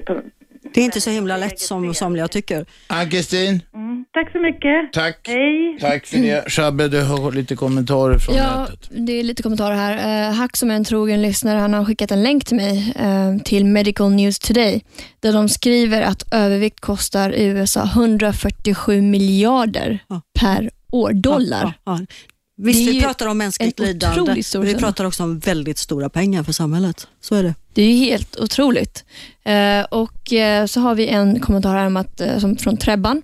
Om man gör sig av med energin, spelar det då egentligen någon roll vilken mat man äter? Kan man äta vilken skräpmat som helst om den ändå går åt som energi? Ja, du kommer ju bli äldre, du kommer kanske inte orka hålla samma tempo i alla år och då har du lagt det till med dåliga vanor.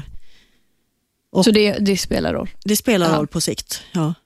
Men vad jag förstår, den här eh, frågaren här menar ju att, att eh, man- stoppar in x antal kalorier, är det, man får, eller kilokalorier som det då heter korrekt.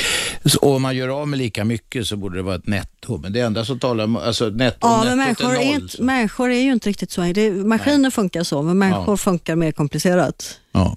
Men jag läste någonstans om att eh, mörkt bröd innehåller mer kalorier. Stämmer det? Eh, nej, det tror jag inte. Det beror på om du häller, ibland gör man ju mörkt bröd genom att hälla i eh, bränt socker för att få den mörka färgen. Sirap och sånt där ja. Eh, nej, men alltså bröd som är bakat med hela korn, fullkornsbröd och helkornsbröd är i princip mycket bättre än vitt bröd. Det, ni skriver att surdeg är bättre också. Varför det, Hur funkar det? det? Det sänker det här som kallas för glykemiskt index. Alltså, alltså det gör att, att, man, att vi slipper den här berg och dalbanan där sockret och insulinet går upp och Utan ner. det, det släpps ut i blodet, sockret, långsammare. Ja, om man till exempel eh, ät- äter bröd på surdeg, om man äter smör och, eller fett och protein tillsammans med kolhydraterna. Om man äter någon syrlig grej som vinäger, om du tar lite, eller vin är också lite syrligt. Mm. Det, det är sådana faktorer som, som får den där berg och dalbanan att plattas ut och det är väldigt bra. Okej, så att det är också kombinationer av Ja, ja. livsmedel. Det är mycket mer krångligt än vad... Egentligen skulle man kunna säga att för att vara riktigt på säkra sidan så ska man käka en ständigt varierad kost. Nej, alltså vi, vi har ju ett helt kapitel Mm. som handlar om de här olika och eh, ja, alltså den LCHF som de heter, eller Atkins, det funkar för bantningsmetod för många men det finns de som inte För de flesta För de flesta. Ja. Eh, Men det finns de som inte tål den. Det där lågfett som sjukvården ville ha åtminstone förr, det funkar för en del, för andra inte och det är jättedåligt om det går ut på att man ska äta snabba kolhydrater istället för fett. Sen finns det det där mitt emellan då som vi kallar för medelhavsdieten. Mm. Och den är ju den som har det allra bästa stödet för att man ska vara frisk. Och den medelhavsdieten då är, Ja, det är lite lagom. Fritt framför olivolja. Fritt framför olivolja, definitivt. Ganska lite kött, mycket grönsaker. Fisk. Och, eh, lite fisk, en, en del fisk. Och lite vin är tillåtet. Mm. Och den där är väldigt, väldigt testad i många studier och, och befunnen väldigt nyttig och hälsosam för de flesta. Okej. Nu, mina damer och herrar, blir det reklam. Sen fortsätter vi samtalet med Karin Boys som har skrivit boken ihop med, ihop med Anna Bratt, skrivit boken Vikten av gener. Och Det handlar alltså om hur arvsanlagen påverkar hur tjocka eller magra vi blir. Eh, vi är strax tillbaka. Det här är Aschberg på Radio 1. Radio 1. Aschberg.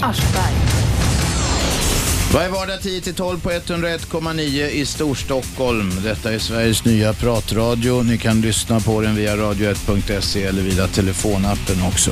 Karin Boys är i studion. Hon är vetenskapsredaktör på Dagens Nyheter och har nu tillsammans med sin kollega Anna Bratt skrivit boken Vikten av gener. Eh, det är många som ringer och undrar vad man ska käka, vad man inte ska käka. Om det är kört för att man har den ena eller andra genen, genen här. Vi ska ju fortsätta att tala om, du, vi sa vad som var riktigt dåligt sa vi tidigare. Det var, vi vet, Läsk och chips. Chips, vitt, vitt, sån här vitt bröd. Ja. eh, Och så vidare. Vad är riktigt bra? Vi var inne på det också lite, medelhavsdiet. Men om det ska vara mer konkret. Vad, vad, nu, Alltså, nu, de gjorde- nu ska jag leva ett bättre liv. Vad Ja. ska jag gå till och handla? Oj då, eh, ja, du ska ju skippa det där med chips och läsk då. Och sen så kan du kanske, om du inte har gjort det tidigare, så kan du börja med yoghurt och nötter. Det är två grejer som har, vis- de gjorde en jättestor bara för några månader sedan i Amerika. De undersökte hundratusentals människor och kollade vad de åt och vilka som gick upp i vikt och vilka som inte gick upp i vikt.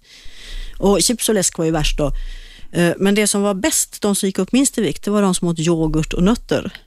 Åh fan. Men sen så ska man ju Men de åt lite annat också hoppas jag. Alltså de bara visade att vissa livsmedel verkar ha samband med att man äter en...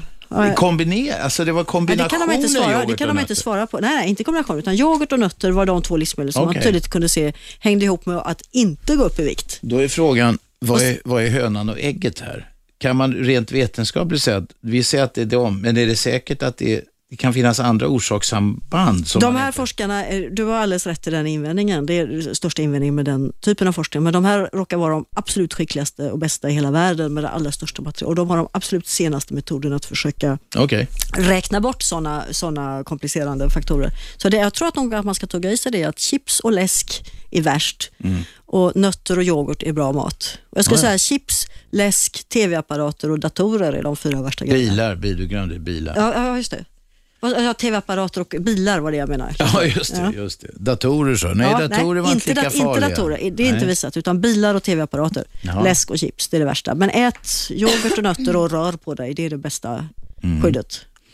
Mera då, som man, olivolja var bra, det var medelhavsdieten, inte så mycket kött. Alltså den här medelhavsdieten, det var ju sånt, så inte det de äter nu för tiden, utan det de åt traditionellt, Ja, de ja, gamla det. grekerna på landsbygden, arbetarna Ja. och sådär.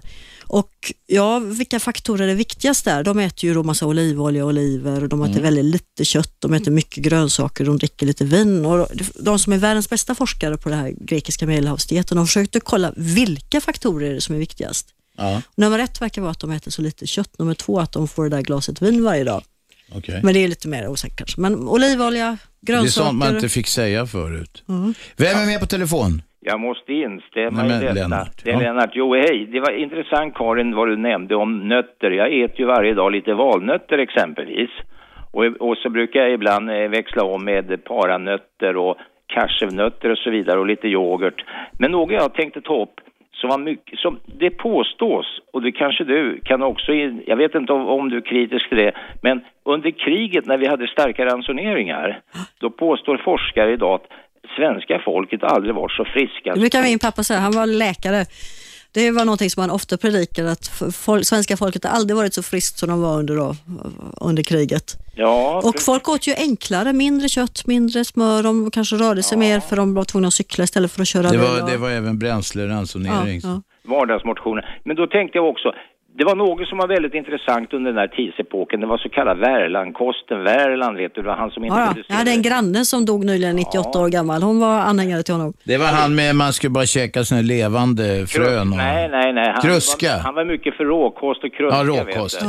ja. Och det var många frisksportade ungdomar som började med det där. Det var liksom lite illa sett från politiskt håll för att den där, det var en ungdomsrörelse eller en rö- rörelse som växte underifrån folkrörelsen. Den var lite anstucken också, var den inte det? Nej, hörru du, jag har analyserat det där. När det gäller Värland så var han mer eh, brittisk, alltså. Det var olika schakteringar medlemmar där. Det fanns kommunister, socialister och socialdemokrater. Men det var, man försökte hålla rent från politik, va? Det var, skulle vara politiskt neutralt och det tycker jag var väldigt bra. Jo, jag tror att Arne Wärland, med, om man skulle granska honom med dagens vetenskapliga ögon, så skulle han få en hel del rätt. I det, inte i allt, men i en hel del av det han sa. Så. Ja, det han sa om fibrer exempelvis redan då. Och fullkorn och sånt där och mycket Ja, grönsaker. Där skulle han ju få rätt. Det fanns en krog i Stockholm, kommer du ihåg den Lennart? Kruska. Gröna linjen. Krus- Gröna linjen hette med en stor sån här idolbild av honom på väggen här för mig. visst, det var två trappor upp. Det var nämligen Arvid Lindmans gamla paradvåning.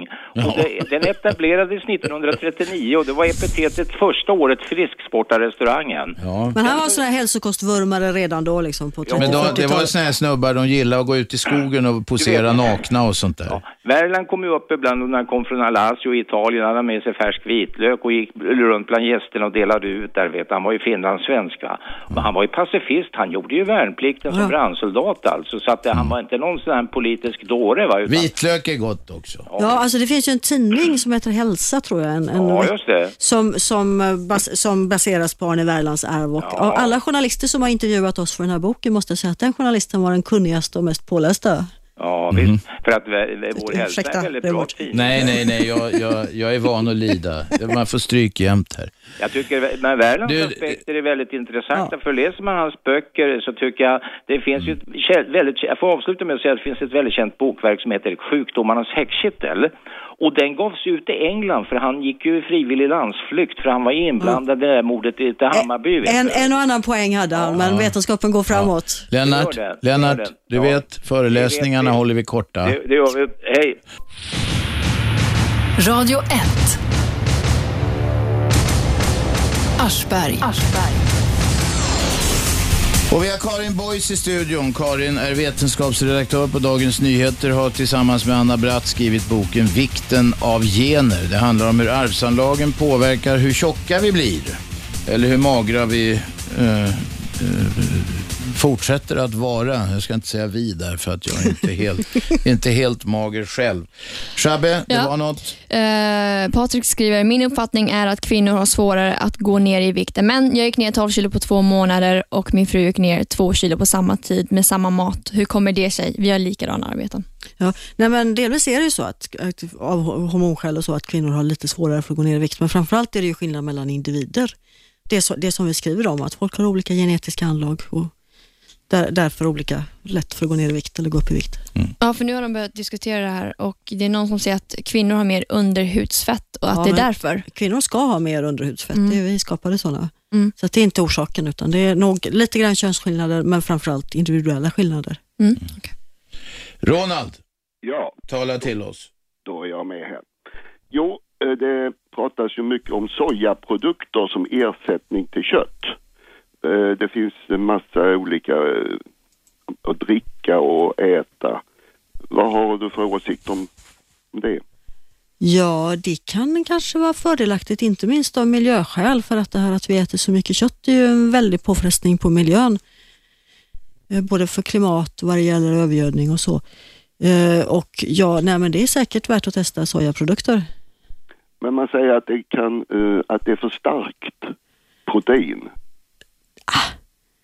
Äh, det tror jag inte. Alltså det, man behöver inte bli vegetarian, men att minska på köttätandet kan säkert vara bra. Å andra sidan så har vi hört reportage om hur de här människorna, hur giftsprutning på de här stora sojafälten i, i Latinamerika och sånt där. Så att det där med miljön, jag vet inte. Vill man vara miljövän ska man väl käka vilt. Om alla i Sverige skulle göra det, eh, då skulle det inte finnas, det skulle ta Då slut skulle det på inte nass. finnas några älgar och rådjur Nej, de skulle ta slut på ett år.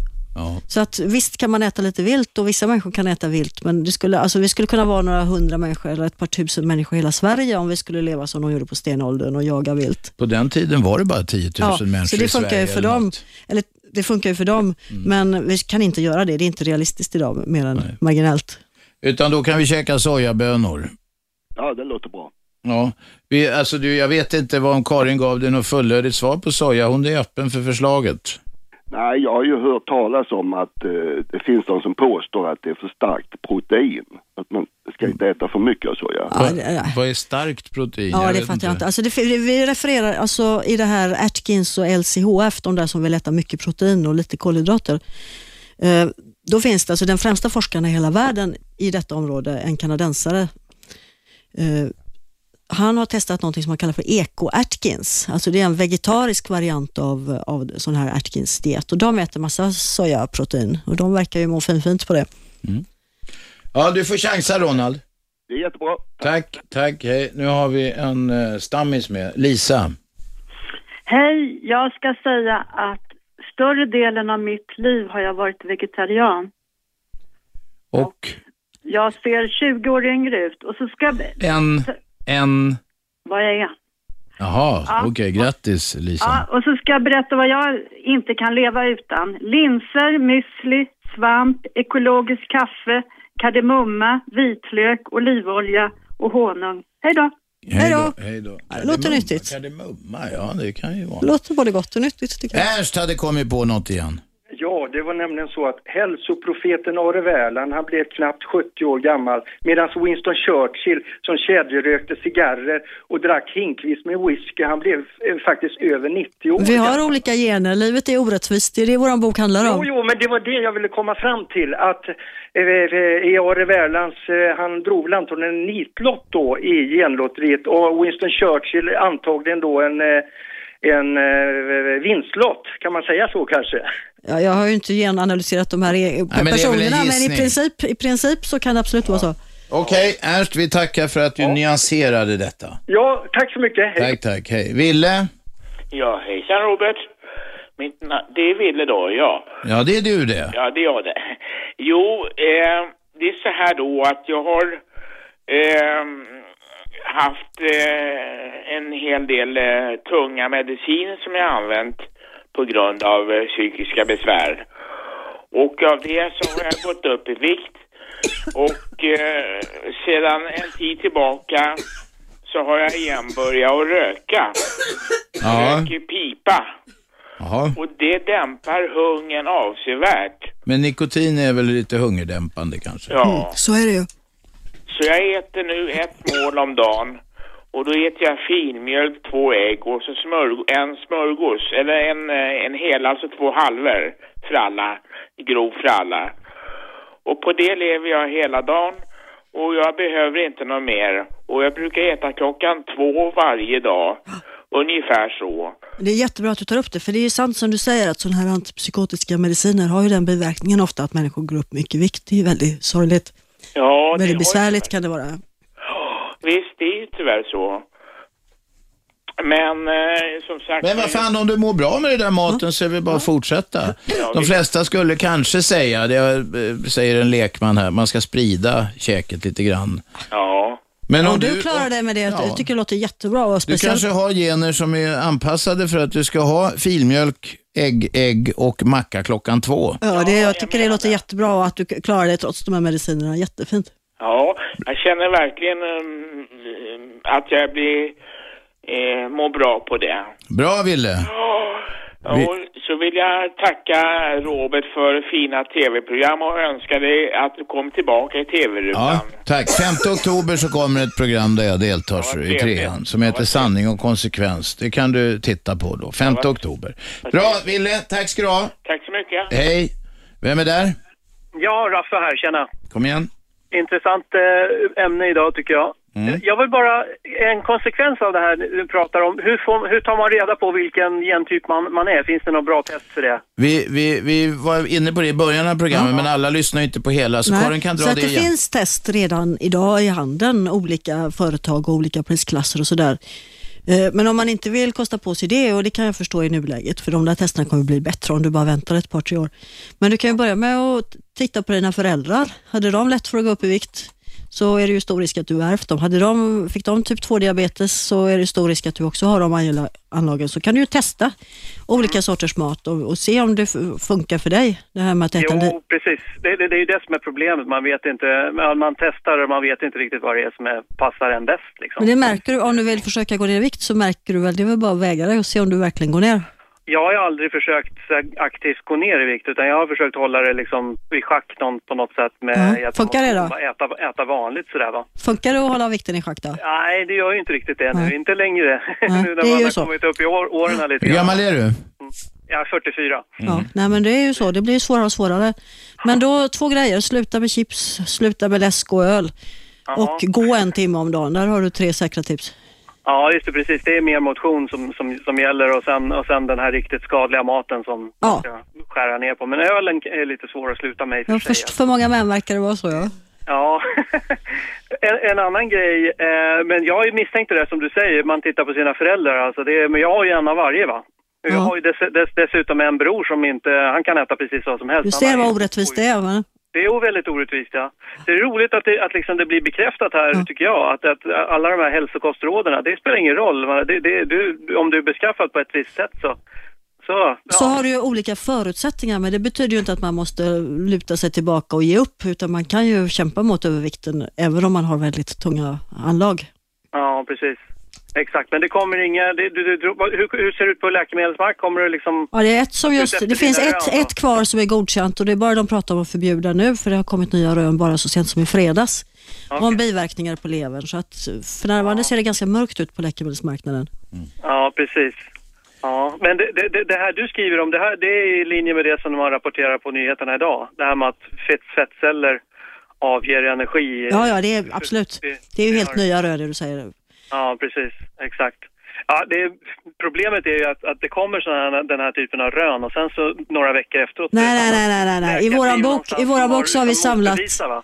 Jag har jobbat i 15 år med den här boken och samlat ihop verkligen den mest gediga vetenskapen och den som står sig. Men vad Raffe, vad Raffe kanske syftar på, om jag får göra mig till tolk här, det är ju det här, det var inte så, så ja det var väl något par decennier sedan, då var det Socialstyrelsen, man skulle äta Ja. sex till åtta skivor Ja, bröd ja, om ja. dagen och det var ospecificerat. Alltså alla de här är ganska- förnumstiga råden, så, och det svänger ju Och vi hela är ganska tiden. elaka mot de som ger sådana här förnumstiga råd, för de har ju fel hela, hela Ja, men bandet. det kommer så underbyggt ifrån, ifrån olika läkarteam och olika forskningsteam som sitter runt omkring i världen och så har de studerat en viss grupp människor i en viss ålder Ja. och en viss vikt och sen så säger de att ja, där om, om du är för ökad risk med 20 procent och det ena med det andra. Liksom. Men det som är grejen med vår bok det är att vi har, går ju inte på en forskare utan vi går ju på, har tittat väldigt, väldigt brett på den samlade forskningen och den bästa forskningen som finns i hela världen. Precis. Och sen det, det- det de kommer fram, vänta, det de kommer fram till i boken är att det finns inget standardrecept som funkar på alla. Nej, precis. Och det är ganska logiskt egentligen. Jag vet inte. Menar, Ja, och- när, vi var, när vi var på jägar och samlar, samlar eh, stadiet. Jag vet inte om våra kroppar fortfarande är, är beskaffade. Vissa människors kroppar kan äta. definitivt vara det. Ja, för när vi, jag vet inte när människan började äta kött i sin eh, liksom tid. In, innan vi blev människor. Det har Vadå, funnits- neandertalarna åt ju väl bara kött? Ja, de kanske så åt, nå- samla lite Ja, också. men, Men, alltså, för innan vi blev Homo sapiens så åt våra föregångare åt kött. Ja, alltså är ju våra, våra kroppar så att säga på något sätt genom åren evolutionerade. Ja, människan är ju väldigt flexibel. Det finns ju som jag berättade här nyss, indianer i Anderna som nästan bara äter potatis traditionellt och de klarar sig fint på det. men det är inte chips då? Nej, eh, människor är olika och Mm. passar De för kanske skulle ha velat haft chips om de kände till det. Ja, det, de kanske blir sjuka om de skulle byta De är ut väldigt- Det är mycket möjligt med all det här. Mexiko har bland de svåraste övervikten i hela världen. Så att Är det så? Ja. Jaha. Ja, men du har fått Okej, Raffe, vi Hej, hej. tackar. Nu är det full rulle på ringandet här. Hade du något Shabbe? Ja, jag har en intressant fråga. Niklas skriver, hej jag är enäggstvilling. Jag och min bror borde väl ha samma gener och därmed samma gen som styr vikten. Jag har alltid vägt mer än honom, alltså runt 10 kilo. Hur kommer det sig? För det första är de säkra på att de är enäggstvillingar, men det är de väl då. För andra, Ja. det finns miljöfaktorer. De har, det, han skriver att de har levt i samma miljö och de har haft samma alltså, idrott och samma mat. Det finns ju alltså miljöfaktorer som kan ha startat redan i livmodern. Och det kan ha varit så att han fick ett övertag då i livmodern framför sin bror. Eh, där han fick mer näring redan på det stadiet och att det sen har eh, Mm. fortsatt i alla år. Då. Och även om man är enäggstvilling så behöver man inte vara helt identisk utan det kan finnas liksom små skillnader. Vem är med på telefon? Ingen som orkar vänta. Men det var en väldigt intressant fråga tycker jag. Ja, det tycker jag med. Vem är med? Hallå Robert, hallå Karin, Tom heter jag. Ja, kom igen. Eh, det spelar egentligen ingen, eller alltså det jag har läst det är väl det att det spelar egentligen ingen som helst roll hur mycket antipsykotiska mediciner man käkar eller hur pass felaktiga gener man än har. Ju, så länge man inte trycker i sig nog med energi så, alltså om man, är- om man har ett överskott på energi så går man upp i vikt. Om man ett underskott på energi så går man ner i vikt. Det är, det finns, det är den enda kalla sanningen. Ja, den är faktiskt väldigt mycket mer komplicerad än så. Alla människor här i Sverige har tillgång till mer kalorier än vad de behöver. Absolut, men... Och det måste har man ju- hantera på något sätt och människor har olika förutsättningar att hantera det. Men, men att ha tillgång på kalorier behöver inte, samma, behöver inte nödvändigtvis betyda Beror på att man behöver äter upp dem. i. Jo, jag vet, men det är ju det som är grejen. Problemet är ju det att människor tänker ju inte på det här och människor äter för mycket. Ja, men det som våra bok handlar om är att människor har av, av genetiska skäl olika drive i hjärnan för att äta mycket eller mindre. Vissa, vissa känner att nu räcker det, nu ska jag sluta äta. Andra har mycket svårare för att känna det. Men grejen är, alltså till exempel, fett, ett kilo fett motsvarar ungefär 7000 kilo kalorier.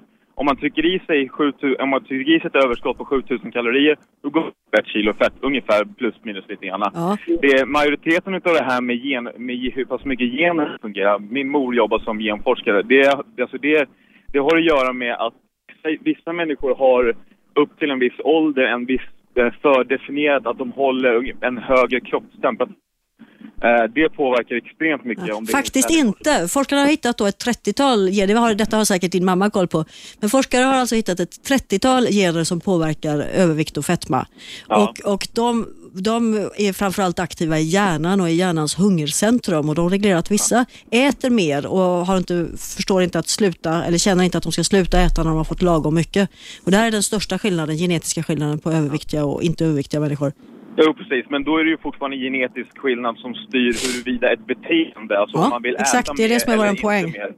Och det, är det, man, det gäller ju bara att man får ha lite självkontroll. Nej, Det jag riktigt tror- så. Jo, fast det är ju jättesvårt för vissa då att ha det. Alltså det, det, det kan ju vara fruktansvärt svårt för andra har väldigt lätt för det. Absolut. Ett, men ett stort problem också, det är det som den förra ringen tog upp. Det är det här med att våra kroppar har i princip inte utvecklats någonting evolutionärt sett om vi går tillbaka flera hundratusentals år. Det har inte hänt särskilt mycket. Nej. Det som däremot har hänt är att vi har fått extremt större tillgång på snabba kolhydrater som våra kroppar inte är byggda för. Och så har vi fått Eh, bilar och vi- tv-apparater som vi sitter stilla framför. Va? Ursäkta? Vi har fått bilar som vi transporterar oss med istället för att gå. Jajamensan, vi gör av mindre energi och vi har fått en mycket mer energihög kost. Eh, jag tänkte bara säga det också, det man ska skilja på och prata, alltså man måste, jag tror att det är bra om man definierar begreppet onyttig mat. Eh, ju, nu för tiden i, i media och överallt, eller vad, vad man än pratar med, så, så pratar man om onyttig mat som eh, typ till exempel, du nämnde eh, som exempel läsk och eh, chips. Det, alltså det, det, är att de, det är ju väldigt, det är ju extremt snabba tillgång, det är extremt snabb tillgång på kolhydrater som går ut i blodet på direkten. Och när, när kroppen får, ja, när kroppen får den eh, blodsockerruschen. Just det, det har vi pratat vi om har- hela programmet vi har faktiskt. Varit, ja, vi har varit inne på det flera varv, men, men eh, du har rätt. Ja. Det Men ska det- inte gå som berg och dalbana.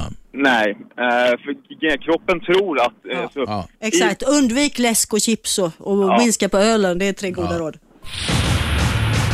Radio 1.